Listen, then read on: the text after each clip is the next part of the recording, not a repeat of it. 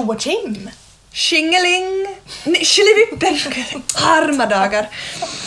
Hej och välkommen till dagens avsnitt. Ja, hjärtligt välkomna till avsnitt 7 av podcasten Not best but, But blessed. Och dagens avsnitt eh, heter Chasing your dreams? Question mark. Eh, idag så kommer vi tala och diskutera kring lite frågor och ämnen som ni har skickat in. Vi lovar ett, ett materialspäckat Ja, avsnitt. M- mycket. mycket stoff. Mycket är på gång. Eh, hjärtligt välkomna. Välkommen!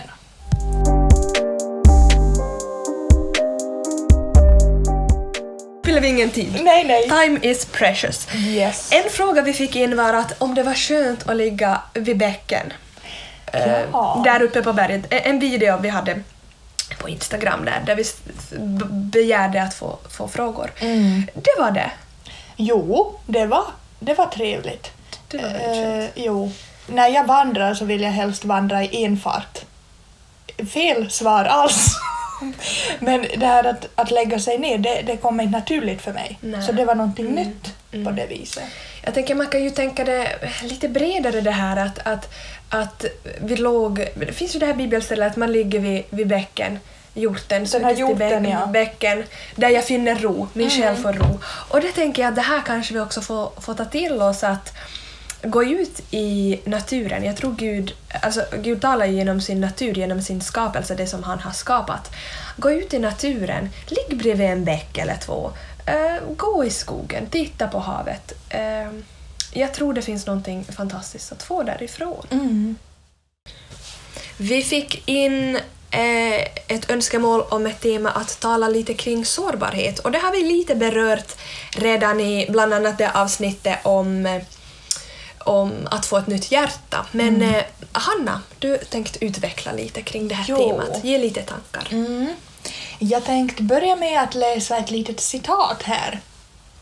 Uh, än en gång eh, har jag en källa Eh, som är Brennan Manning. Eh, otroligt bra eh, citat, må jag säga. Jag har översatt det från engelska, så det, det är fri översättning. Mm. Tror du att Jesus älskar dig bortom värdighet och ovärdighet, bortom trohet och otrohet? Att han älskar dig i gryningen och i skymningen? Att han älskar dig när ditt intellekt förnekade, dina känslor vägrade och din hela varelse avvisar det.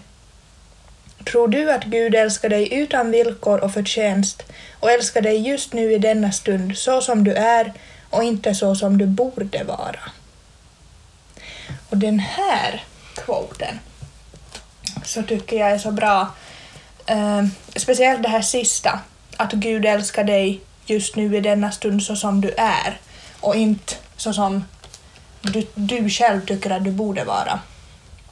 Och här så tycker jag att man kan lite koppla ihop med den här, just det här som känslan av att man skulle behöva förtjäna kärleken från Gud.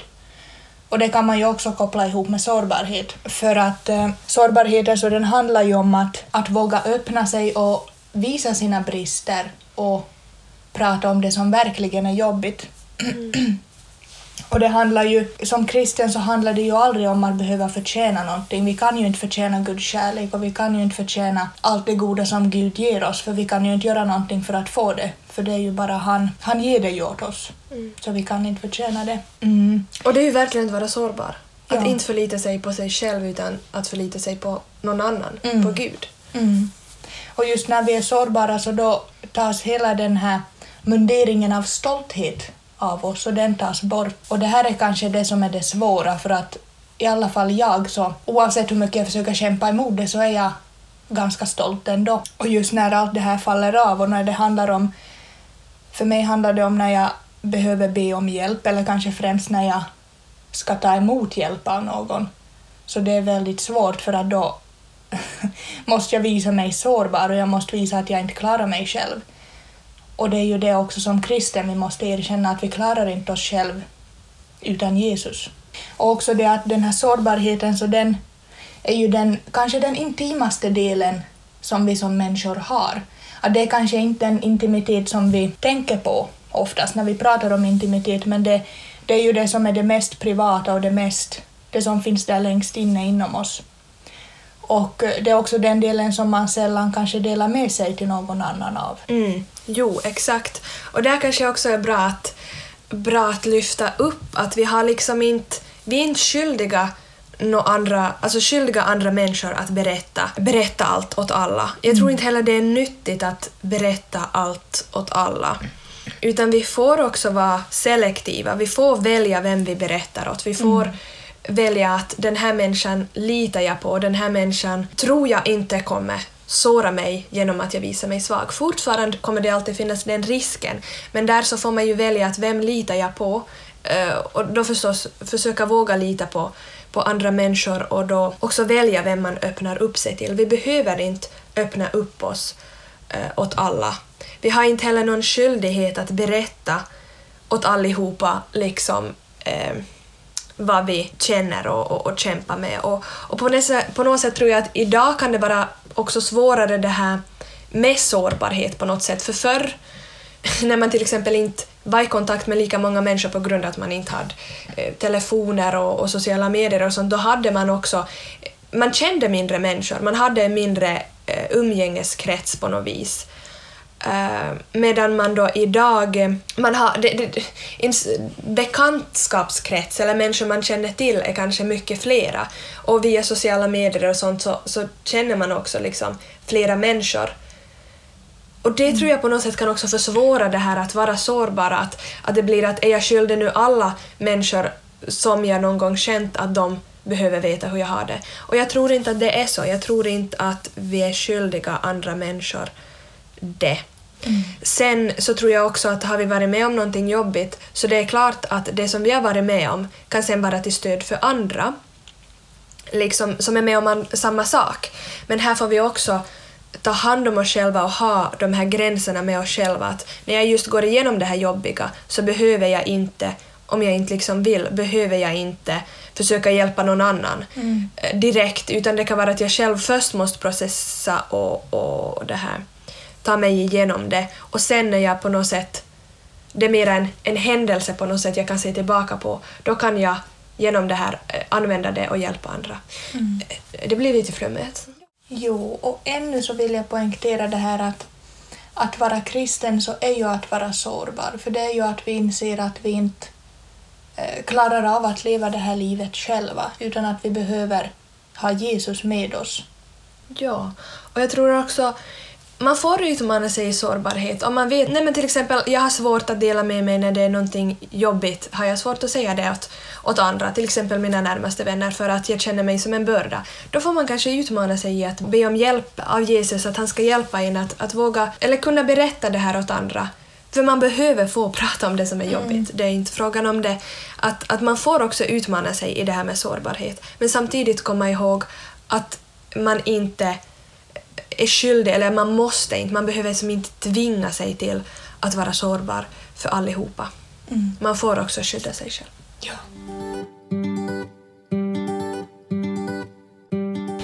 Nästa fråga vi har fått in är Hur skiljer jag Guds röst från andra röster? Läser från Johannes evangeliet 15.26.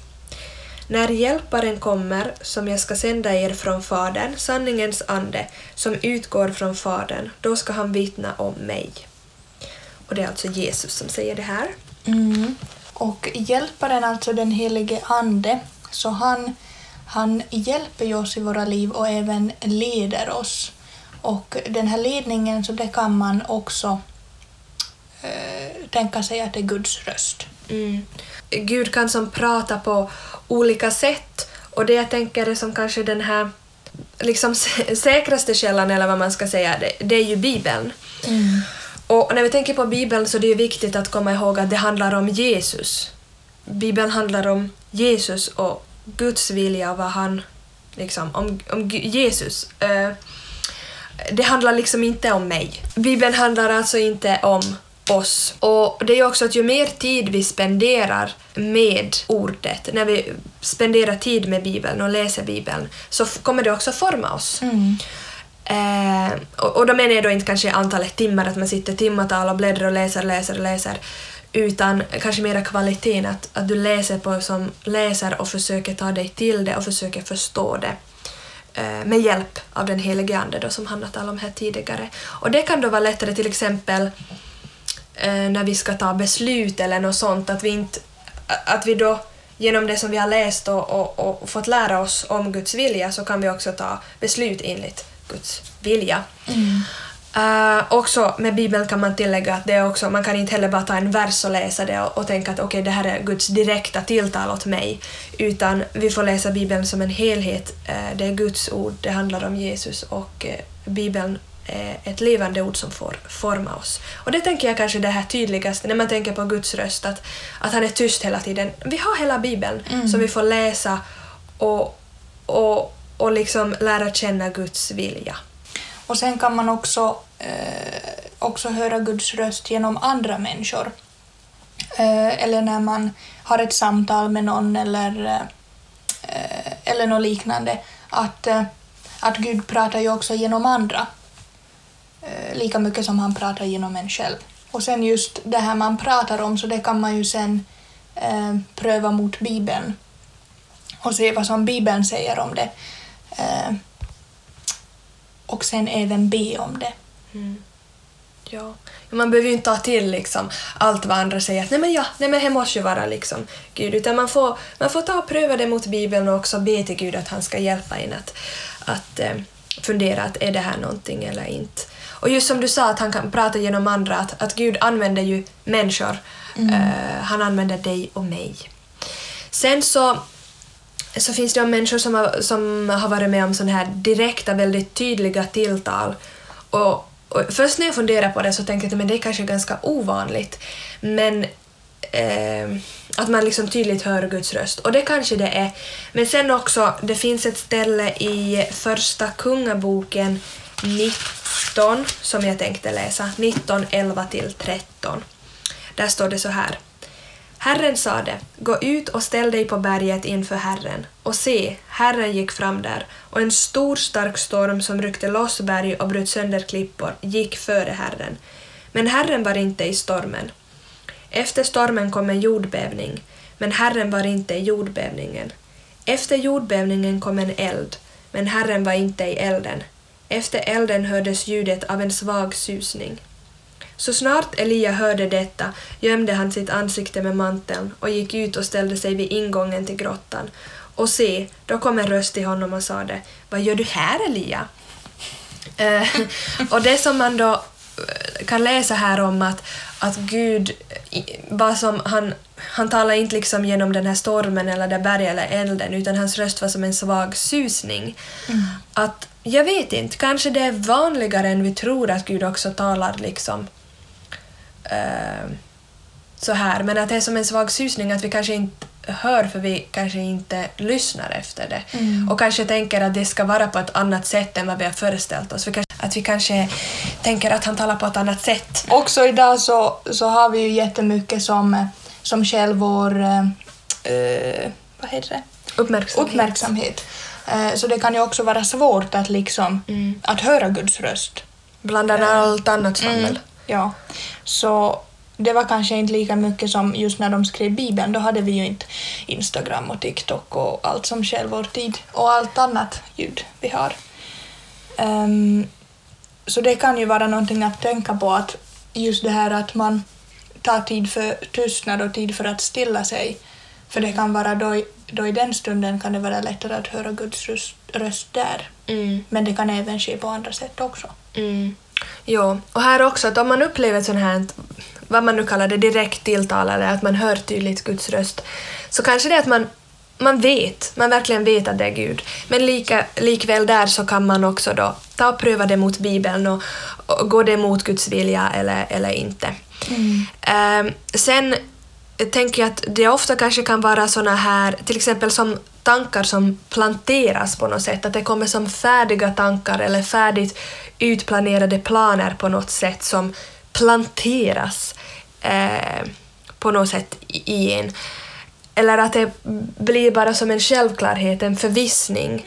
Hanna sa någonting om det.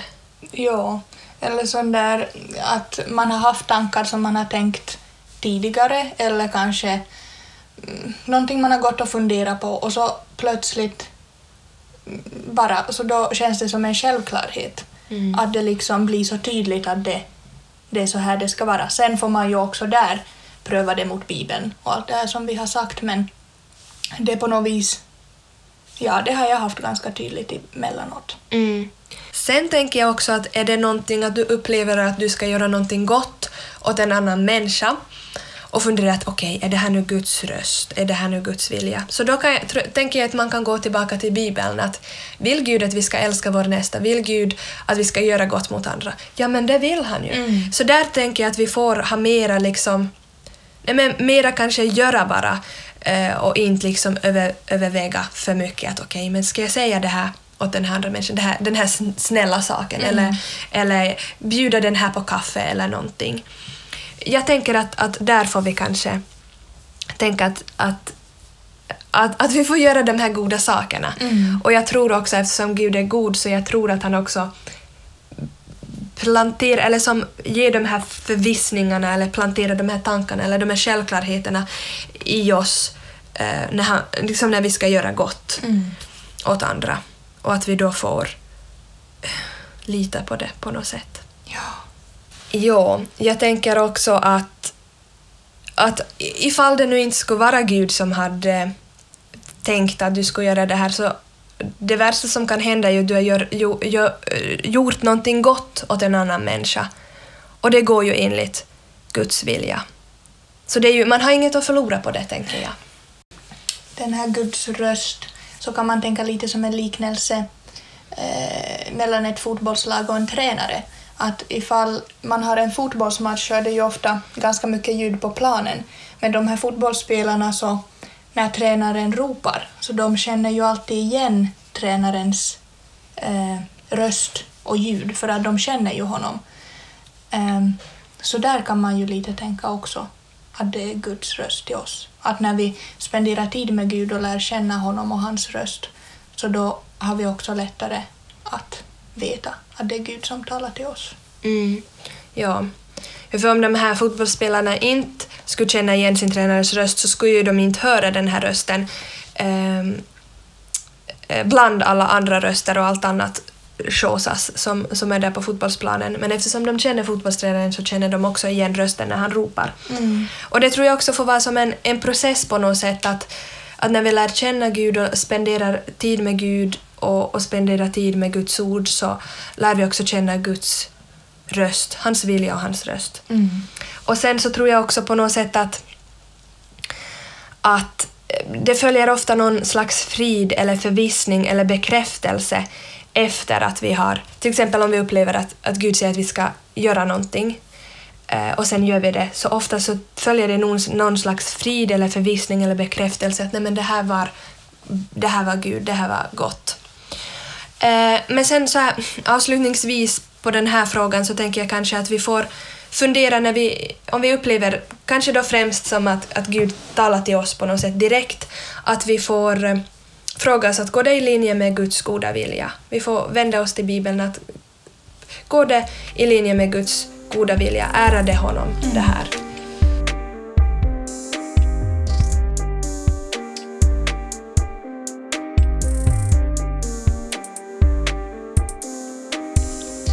Okej, vi ska gå in på den sista frågan eller det sista temat nu. Och det här hör lite ihop med den här frågan före så att de lite kommer så här stödja varandra, att man kan de lite så här överlappar varandra. Men det är en ganska lång sån här eh, tanke så jag kommer läsa först upp hela den här tanken. Eh, hur ska man tackla detta? Som människor har vi drömmar. Ibland otroligt stora och kan kännas orealistiska men ändå kan man inte sluta tänka på att man lever ett liv som inte riktigt lämpar sig för en. Är det värt rätt att ta den otroliga risken ut i det okända vilket delvis baseras på egoistiska skäl eller ska man bara stanna där, där Gud har placerat en och försöka föra vidare budskapet om honom? Så den egentliga frågan är hur ska vi som kristna förhålla oss till egoistiska drömmar, till exempel bygga stort hus, starta företag, flytta utomlands och så vidare. Då vi ändå vet att allt kommer vara bättre i himlen och meningen med vårt liv är ju inte direkt att vi ska njuta och trivas och pursue vår egen dröm utan Guds. Jo, det här är ju otroligt, en otroligt, liksom alla andra frågor vi fått, otroligt intressant och, och mångfacetterat. Man skulle kunna prata hur, hur länge som helst med det här, om det här. Och det här råkar också vara någonting som jag och Hanna funderar mycket på. Och inte heller, vi kan säga inte har vi heller tydliga, klara svar på den här heller. Inte heller någon hebreiska att komma med här heller. Men eh, vi har lite försökt liksom dela upp den här frågan och, och ta upp lite olika teman som innefattar det här. Och eh, det första kanske som jag tänker att vi skulle kunna lyfta upp är att, att där du är just nu, så där kan Gud använda dig. Det är liksom inte fråga om det. Där du är, där kan Gud använda dig. Eh, bara du låter honom göra det. Att jag tror att det är ett aktivt val att vi låter Gud eh, använda oss. Att vi får be om det. Och kanske också forma vår dröm mera, nej, vår bön mera som att vad gör du Gud idag? Eh, var är du verksam? Att, att använd mig där. För det är ju lätt också att tänka att, att Gud, vad kan jag göra idag för dig? Istället för att fråga att vad gör du Gud och hur kan jag delta i det här? Jo, där tror jag kanske är en bra startpunkt att poängtera att där du är, där kan Gud använda dig, bara du är villig att bli använd. Han kan ju inte tvinga dig att liksom... Han kan ju inte tvinga dig att gå och knacka på hos den äldre damen i grannhuset och fråga om du ska få handla. Det är liksom, du måste nog stiga upp och gå dit själv. Så att på det sättet så måste vi också vara villiga att bli använda. Ja. Och jag tänker på något sätt måste man ändå börja, oj, börja där från början. Uh, det känns som vi, vi säger det här i varje avsnitt. Men på något sätt, det börjar igen med våra hjärtan. Var våra hjärtan är vända, vad vi, ha, var, vad, vad vi har i våra hjärtan. För det kommer ju också styra vår längtan delvis och vart vi är på väg och så vidare. Och det börjar ju för, först och främst med att älska Gud. Att bli älskad av Gud och älska Gud. Att ära honom och lovsjunga honom. Det börjar ju med det. Att det är ju lätt att, att kanske hoppa över det och direkt gå till handling. Och jag tänker att speciellt om man har varit, har varit kristen en, en längre tid så kanske man tänker att okej, men nu har jag på något sätt varit i den här fasen att jag blivit älskad av Gud och, och insett hur fantastiskt det han har gjort för mig och, och, och älska honom och lovsjunga honom, att man har gjort det. Att nu skulle man också vilja börja göra någonting. Att man då också glömmer bort hela den delen och bara fokuserar på den här handlingsdelen. Eh, eller att man helt skippar den här delen. Men jag tror att det är någonting som vi måste på nytt och på nytt göra. Det är någonting pågående. Det är som en relation. Eller det är ju en relation. Att vi får lära känna Gud mer och mer och mer. Uh, lära känna hans vilja mer. Och vi får fylla på av den kärlek vi får av honom på nytt och på nytt och på nytt. Och på nytt vända våra hjärtan mot honom. Att det, det är någonting som hela tiden pågår. Uh, jag tror repentance tycker jag är ett väldigt bra ord också på något vis in English. Att, att liksom vända sig tillbaka till Gud eller liksom repentance, säg nu vad är på svenska? Jag har aldrig sökt upp det. Men det är ett bra ord! Nej men liksom att eh, ödmjuka sig, nu söker jag upp i ånger, omvändelse. Att man ångrar och omvänder sig och man liksom på nytt och på nytt. Eh, och det tror jag att vi inte får glömma, att det på något sätt börjar där. Ja. Och som i alla relationer så behöver vi ju ha tålamod även i den här relationen. För det tar ju tid att, eh, att forma ens hjärta och det är ju ingenting som händer, händer bara sådär eller händer över en natt. Och det kan också vara väldigt jobbigt i perioder. Och det är också en process och liksom det håller på länge och det tar ju länge, som i vilken relation som helst så tar det ju länge att bygga den för att, för att eh, man ska få en djup relation. Men det får ju också ta lång tid för vi har ju hela livet på oss. Just att man får ha tålamod, det kan vara otroligt frustrerande. Tålamod tror jag är det jag är sämst på i, i hela världen.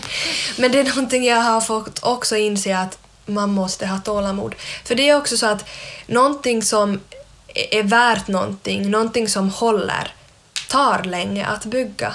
Det är ingenting som bara går så här över natt. Det händer också ibland att vi till exempel blir helade så här, eller det ena eller det andra, eller vi får en, nya, en ny insikt så här. Men fortfarande så när vi fått den här nya insikten så tar det en tid före vi liksom kalibreras på något vis, att vi tar till oss den här insikten och, och kan börja applicera det här nya vi har lärt oss i våra liv.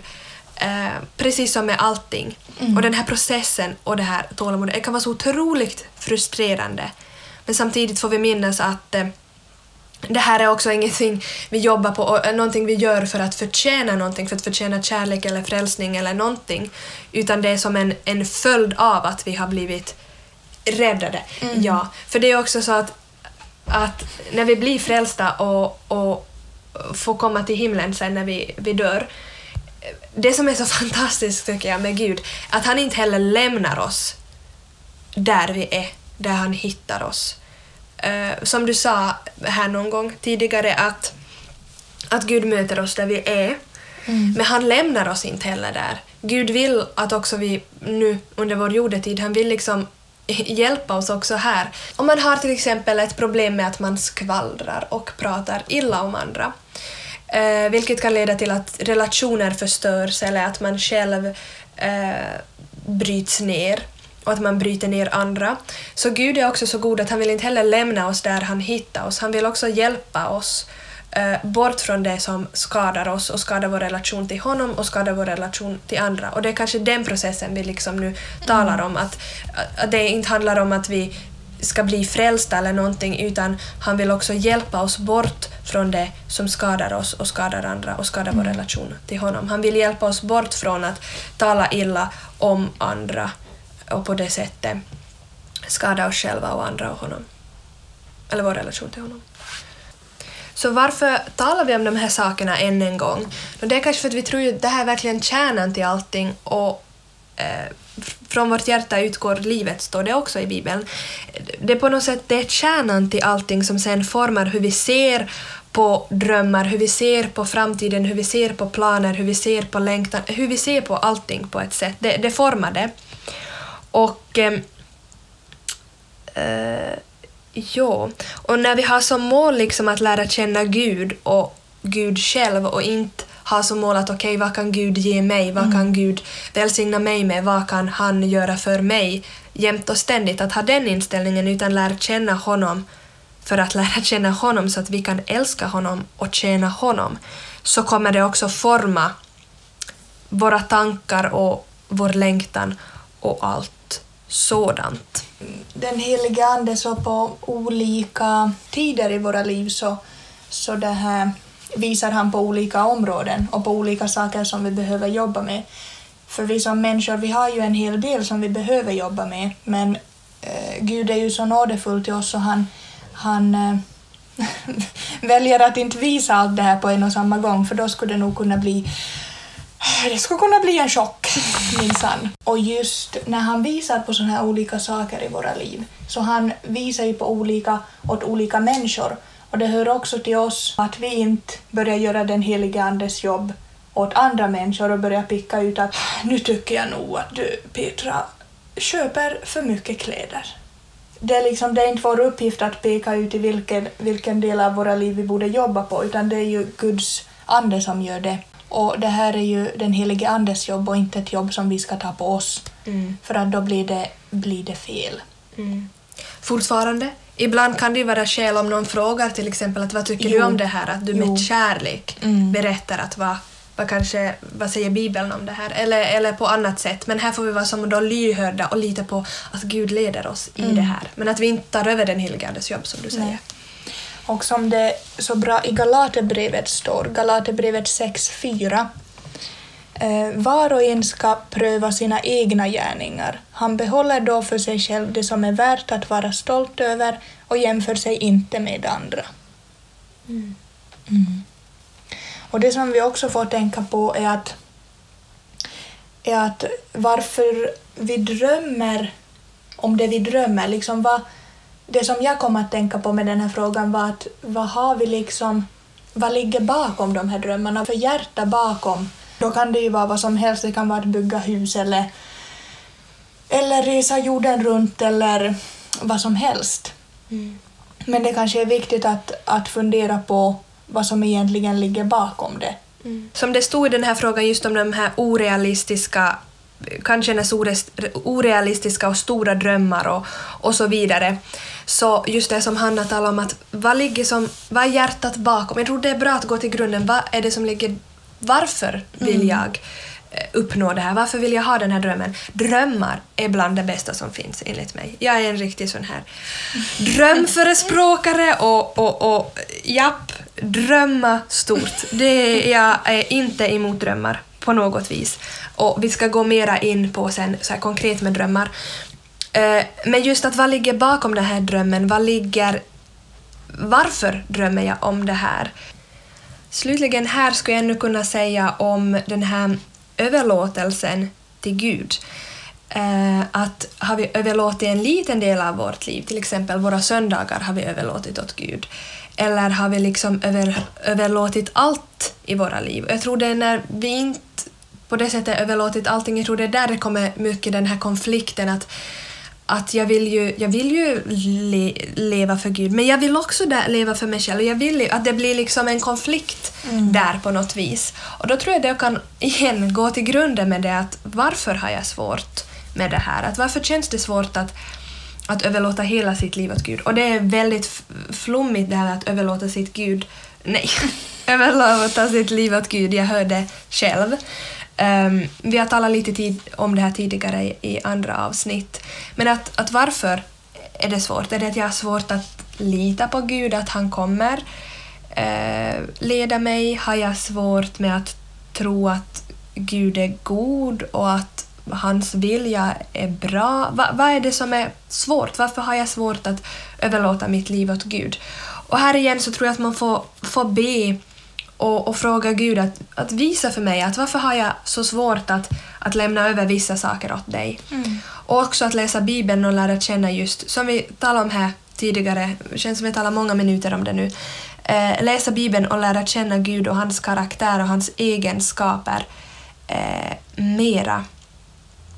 Att eh, vi på riktigt lär känna honom. Mm. Och då kan också det, att överlåta saker och ting eh, åt honom bli lättare. Men samtidigt, där tror jag också på något sätt så också får kanske vara en process eh, på något vis. Mm.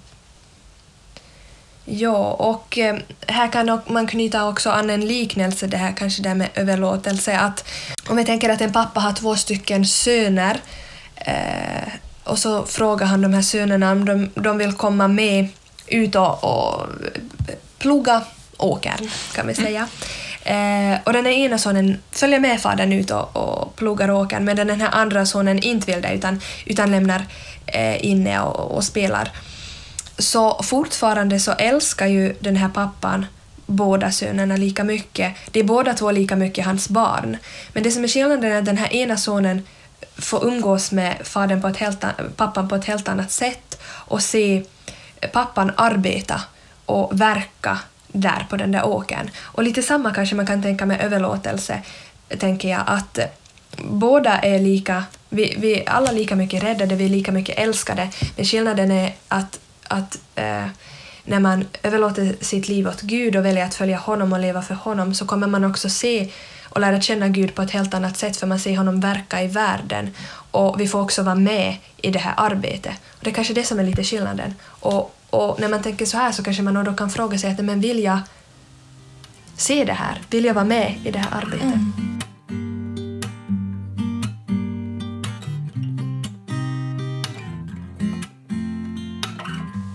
Den här frågan vi fick, eller tankarna vi fick, så var det också, berörde det också såna här drömmar och längtan och sånt som man inte kan fortsätta tänka på.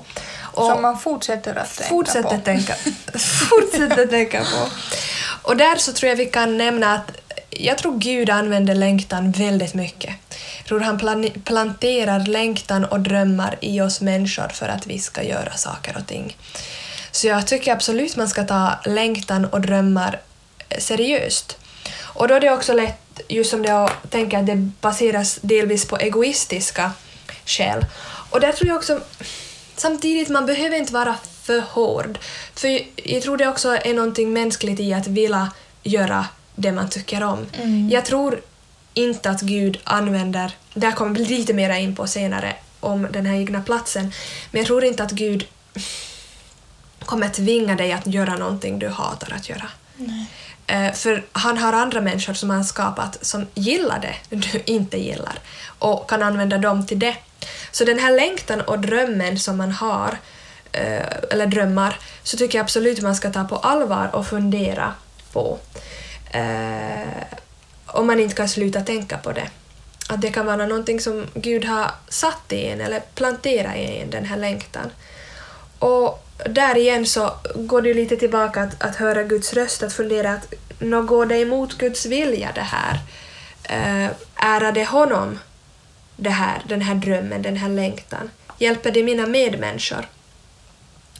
Och eh, sen är jag också en förespråkare för att våga ta ut, ta steg i tron. Man kan inte bara, tror jag heller, hur länge som helst sitta och fundera att är det här nu, är det inte, är det här nu, är det inte, är det här nu, är det inte. Har du fortfarande den här längtan, känner du att du verkligen vill, har du den här drömmen, går det inte emot Guds vilja eh, eller skadar dig själv eller andra eller på något annat sätt, eh, pröva på! Mm. Man har inte så mycket att förlora eh, när man inte har värde i det man förlorar. Oh, ja, vet jag inte om jag håller med om. Men, men, men liksom, man kan pröva på och sen om man märker att nej men kanske inte det här ändå, ändå var så då är det det, men då vet man i alla fall. Att jag tror också att vi behöver inte överanalysera och tänka allt för mycket för att det här med tro, det handlar mycket om att ta steg i tro, att våga våga gå. Mm. Uh, ska tala lite mer om den här Thomas Sjödins bok Den som hittar sin egen hittar sin plats där ingen annans. Men en, ett citat därifrån lyder så här.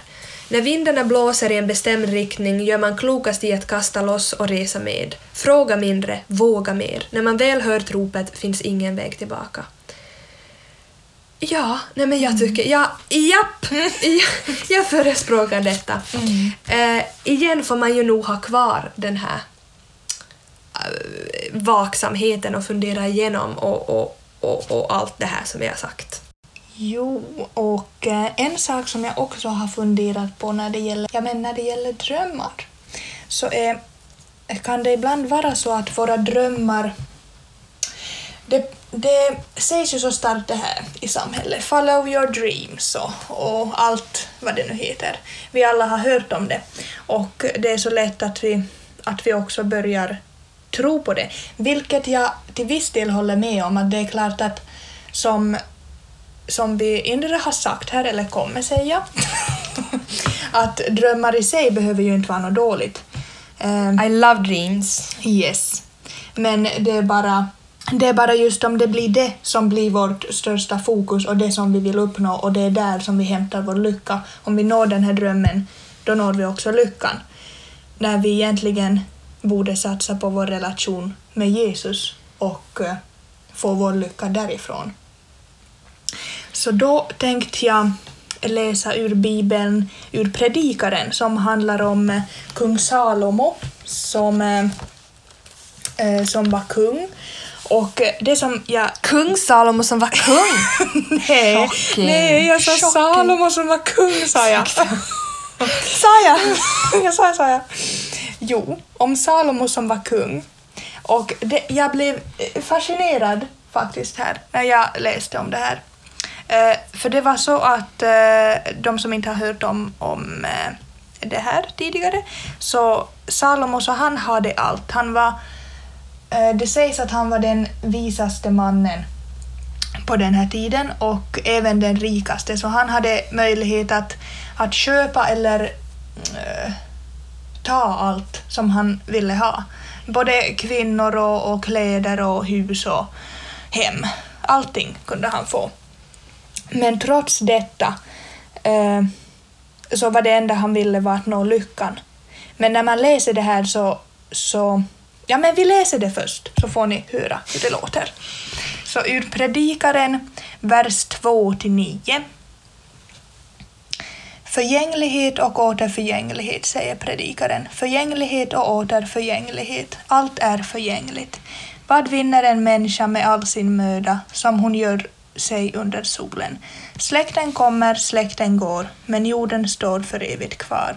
Solen går upp och solen går ner och skyndar sedan åter till den plats där den går upp. Vinden far mot söder och vänder sig mot norr. Den vänder sig ständigt på sin färd fram och börjar sitt kretslopp på nytt. Floderna rinner alla ut i havet och ändå blir havet aldrig fullt. Dit floderna runnit förut rinner de åter. Allting är fullt av möda, människan kan inte beskriva det. Ögat blir inte mätt av att se, örat blir inte fullt av att höra. Det som blivit gjort kommer att göras igen och det som hänt kommer att hända igen. Det finns inget nytt under solen. Jo, inte superupplyftande kanske den här bibeltexten, men det blir så tydligt här att Salomo har satt sin lycka i, eller han, han försöker så, så eh, vad, vad söker jag för ord? Desperat efter den här lyckan, men alla de här världsliga sakerna som han söker sin lycka i, så inser han att, eh, att det inte leder någon vart. Han finner ingen, kanske en lycka för en kort stund, men inte någon lycka som varar längre och som är en djupare lycka. Även när det kommer till pengar så Salomo han hade ju, han hade ju alla pengar han någonsin kunde behöva. Men ändå så var han inte lycklig. Och med pengar så i vår värld, det är ju det som det kretsar kring i princip överallt, så handlar det ju om pengar. Och med pengar så det, för det är ju roligt att köpa nya saker, det kan jag också medge. Jag gillar att, att köpa grejer. Men det är ju inte här heller den där lyckan som varar. Och när vi en gång har börjat köpa saker så får vi en liten lycka en kort stund, men sen så måste vi ju igen köpa mer och mer för att uppnå den här lyckan. Och på samma vis så stod det i den här Jesus is-boken av Judas Smith att lite på samma sätt som med ett beroende när det gäller droger eller alkohol så måste man som ha en större dos hela tiden. Och samma kan man också tänka med pengar. Att det räcker som inte med den här samma att jag köper en godispåse idag men sen imorgon måste jag ha hela butiken. lite eh, på det viset. att Det liksom måste öka hela tiden för att man ska uppnå den här lyckan och till slut så kanske man, trots att man har köpt allting så då, det har man ju inte möjlighet heller i denna värld men, men uh, så når man inte den där lyckan till slut heller. Mm. Men det är ju inte heller det som betyder någonting. Att ifall man har sin lycka i sina pengar eller i sin vänskap eller i popularitet eller vad som helst. Så Gud han har ju skapat allt det här och han vill ju välsigna oss med dem. Men det är ju inte det som vi kommer ha med oss sen i evigheten. Saker kan ju inte ge oss lycka eftersom de är döda. Men skaparen kan. Mm. Jag skulle vilja säga också att det finns ju inga manualer på hur man exakt ska leva för Gud det här nu när vi har sagt att leva sitt liv för Gud och överlåta sig åt Gud och, och följa de här drömmarna och, och, just som också Hanna har nämnt att vad är de här drömmarna? Är drömmarna att du ska ha mest pengar i Kronoby? Mm. Så den drömmen är kanske inte, den kommer inte leda till lycka. Um, ja, så det, det vi vill poängtera här är att det kanske inte finns exakta manualer på hur vi ska leva för Gud. Till exempel så det är absolut inte mera värt att berätta om Gud för en muslim i Iran än det är att berätta om Gud för din mormor. Vi kan inte mäta det på det sättet, utan alla har vi olika roller i det här, alla har vi olika uppgifter, alla har vi olika gåvor. Mm. Och här kan vi då fråga oss att hur använder vi de här gåvorna? Att jag tror att ett bra ställe på något sätt att börja på är att fundera att just att vad längtar jag efter? Vad tycker jag om? Vad brinner jag för? Vem tar mitt hjärta mest sjukt för? Uh, och just att vad är jag bra på? Vad tycker jag om att göra? Mm. Det är ju troligen Gud som har gett det här åt dig, det här som du är bra på, dina gåvor. Och då, genom att göra det du är bra på, det kommer ju vara roligt. Det är ju roligt att göra det man är bra på. Och det är ingenting dåligt i sig själv. Och fundera att hur kan jag använda de här mina gåvor för att Gud ska få ära, för att Gud ska liksom upphöjas. Och här tror jag det blir liksom konflikt om vi tänker att att leva för Gud leder inte till lycka. där går det lite Mm ouch. För Gud är ju skaparen av glädje. Gud har gjort glädje. En av de här andens frukter är ju glädje, om jag inte minns helt fel. Glädje är ingenting dåligt i sig själv att söka, bara vi söker glädje i det rätta, att vi söker vår glädje i Gud. Eh, jo, och i Psaltaren 37.4 står det Ha din glädje i Herren. Sen så är fortsättningen också Han ska ge, ditt hjär- eh, han ska ge dig vad ditt hjärta begär. Eh, där kanske det behövs kanske lite mer förklaring att han ger ju inte om vi begär någonting som eh, är ont. Att vi begär någon annans död. Oj. Nej men förstås, det får man ha i minne. Men ha din glädje i Herren. När vi söker vår glädje i Herren, det är en sån, mycket, det är en sån sorts djupare glädje, mer innerlig glädje, en långvarig glädje, en fantastisk glädje. Det är helt otroligt vilken glädje det är och som vi har i Gud. Mm. Jo, om vi sen backar tillbaka till det här igen, eh, vem, vad som vårt hjärta brinner för, vad vi längtar efter, vad vi tycker om. Det absolut ska vi fundera på det och hur vi kan använda det för att ära Gud. Hur Gud kan använda vad vi är bra på för att, för att eh, han ska bli ärad och för att evangeliet ska spridas och allt det. Eh, Så jag kan till exempel ta ett eget exempel från mitt liv. Ehm, Jag tänkte okej, jag vill leva för Gud. Det här tänkte jag som ut själv. Okej, nej men vad är ett bra sätt att ära Gud? Hjälpa människor. Okej, hur kan jag hjälpa människor? Hmm, kirurg. Kirurg är bra. Plus att man som kirurg får man ju mycket betalt. Då kan man ge en del av pengarna till människor som är fattiga. Hmm, jag kan ju till och med åka till andra länder och vara kirurg. Planen i sig själv är ju inte dålig. Alltså det är ju en bra sak. Det finns säkert de som arbeta med det här. Men när jag växte och blev äldre så insåg jag ju att kirurg, för att vara kirurg så måste jag vara intresserad av biologi. Jag måste vara intresserad av olika kemiska processer, jag måste behärska matematik rätt bra. Och jag insåg ju ganska snabbt att tyvärr så har jag inte de här gåvorna, jag har inte det här intresset. Jag tycker inte ens att det är speciellt roligt att fundera liksom på celler och molekyler och blod. Det var liksom inte det jag brann för. Så här så skulle det kunna gå så snett om jag fortfarande skulle pressa mig själv och verkligen försöka bli den här kirurgen. Nu, jag tror inte jag skulle kunna bli kirurg, men kanske läkare. Men jag skulle vara en väldigt ledsen läkare. Jag skulle ha varit ganska utbränd tror jag. Jag tror jag skulle ha mått ganska dåligt. Jag tror inte jag skulle vara jätteglad för jag skulle måste hålla på med någonting jag inte alls gillar. Och hur skulle det liksom ha ärat Gud att jag skulle kämpa på med någonting som jag verkligen inte tycker om och säga liksom att jag Ja, men jag är kristen och jag följer Gud, men jag är jättesur och arg och ledsen och bitter över att jag håller på med någonting här som jag inte tycker om. Det ger ju inte någon ära åt Gud. Nej. Och nu så finns det de som älskar det här och som älskar att vara läkare, som är passionerade över molekyler och celler. Och det är ju fantastiskt, för Gud har gett det åt dem. Och det är deras liksom där. Så där tror jag det är en bra ställe att börja från. I de här tankarna så stod det också att om det är värt risken att ge sig ut i det okända, eller ska man bara stanna där, eh, där man är, där Gud har placerat en. Och eh, här har Hanna två olika citat ur den här Thomas Sjödin, Sjödins bok Den som hittar sin plats där ingen annans.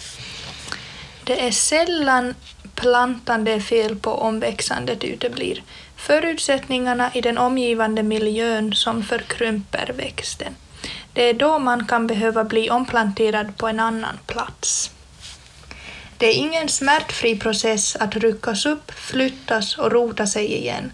Att orka ta sig igenom tider då det måste bli sämre för att det ska kunna bli bättre. Alla livsprocesser innehåller perioder av sådan smärta. Ett slags livets växtverk. Mm. Jo, det som vi kanske ännu skulle, vi skulle vilja få, eller mm, via de här citaten och också det vi har sagt här tidigare, är att det finns liksom inget, inget tydligt svar. Ibland ska man stanna, ibland behöver man bestämma att nu är jag här och gör det här. och är uthållig fast det kanske känns jobbigt. Medan det i andra skeden så är det tid att ryckas upp och planteras på en ny plats Ja.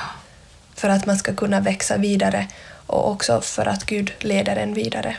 Och här ännu på Till sist! slutrakan så tänkte vi ta... Mm, här i slutet av den här frågan så stod det eh, Meningen med vårt liv är ju inte direkt att vi ska njuta och trivas och pursue vår egen dröm utan Guds.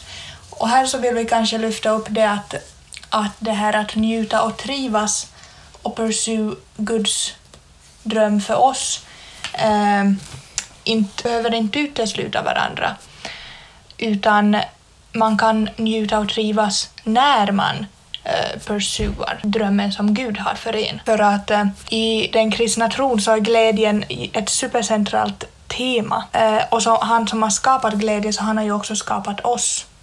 Och eh, det är ju honom som vi lovsjunger och honom som vi ärar.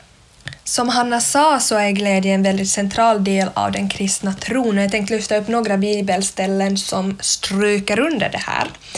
I Mika 6.8 står det att vi ska älska barmhärtighet, inte bara eh, vara barmhärtiga utan också älska barmhärtighet.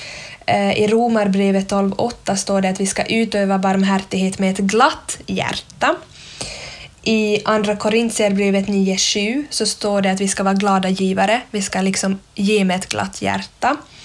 I Andra Korintierbrevet 2.3 stod det att, att vår glädje också ska få bli andras glädje, alltså vår glädje Gud får också bli andras glädje. Och i Första Petrusbrevet 5.2 så står det att vi ska vara villiga och hängivna. Hängivna är ju liksom att man är också glädjefylld. Och Hebreerbrevet 13.17 så står det att vi ska vaka över själar med glädje. Alla de här bibelställena lyfter ju upp väldigt tydligt liksom med glädje och att mm, ja, här, här som i den här frågan stod det njuta och trivas. Och jag tror inte att vi behöver, våra liv som vi lever här på jorden, ja det kommer vara krångligt, det kommer vara smärta och det kommer vara jobbigt. Eh, men vi har ju också, också här på jorden får vi uppleva glädje. Och den här glädjen är inte liksom sån här från yttre omständigheter, eller som Hanna här talar om, om pengar och, och bilar och hus och allting. Det kanske ger en tillfällig glädje men också en tom och kanske besvikelse glädje. Medan om vi söker vår glädje i Gud så det är som en helt annan typ av glädje och en som djup, fantastisk glädje.